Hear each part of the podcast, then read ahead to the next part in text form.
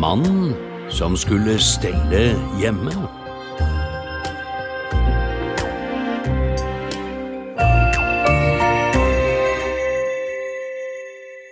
Det var en gang en mann som var så gretten og vill, og aldri syntes han at kjerringa gjorde nok i huset.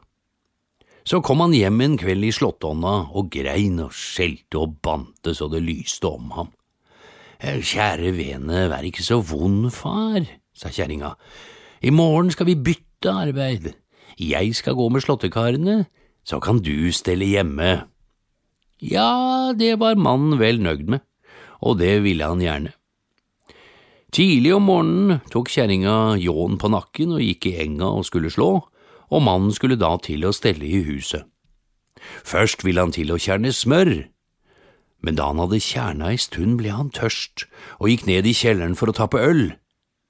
Mens han holdt på å tappe i ølbollen, fikk han høre at grisen var kommet i stua. Han la i vei med tappen i neven, opp igjennom kjellertrappa som aller snarest, og skulle se til grisen så den ikke velta kjerna. Men da han fikk se at grisen alt hadde slått over henne i kjerna, og sto og smatta på fløten som rant utover gulvet, ble han så flyende sint at han reint glemte øltønna og satte etter grisen det beste han vant.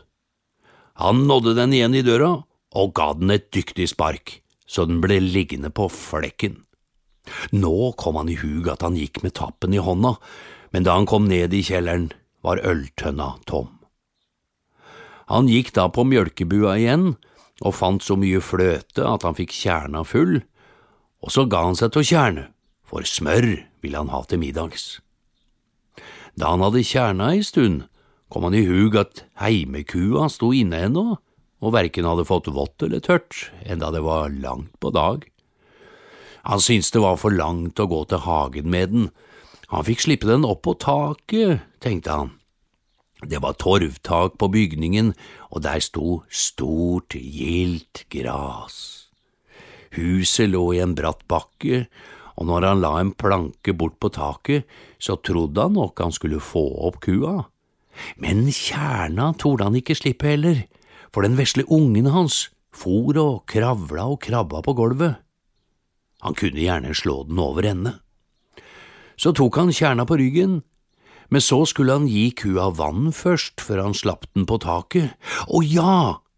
Han tok ei bøtte og skulle ta vann i brønnen med, men da han bøyde seg over brønnkanten, rant fløten ut av kjerna og ned i nakken på ham. Det lei sterkt til middags, og smør hadde han ikke fått ennå. Så tenkte han han fikk koke graut, og hengte ei gryte med vann på peisen.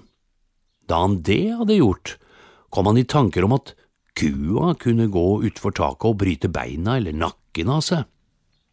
Gikk så opp og skulle binde den.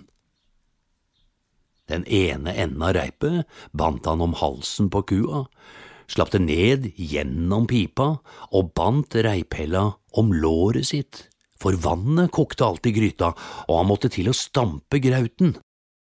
Mens han holdt på med det, falt kua utover taket likevel, hun, og dro mannen opp gjennom pipa.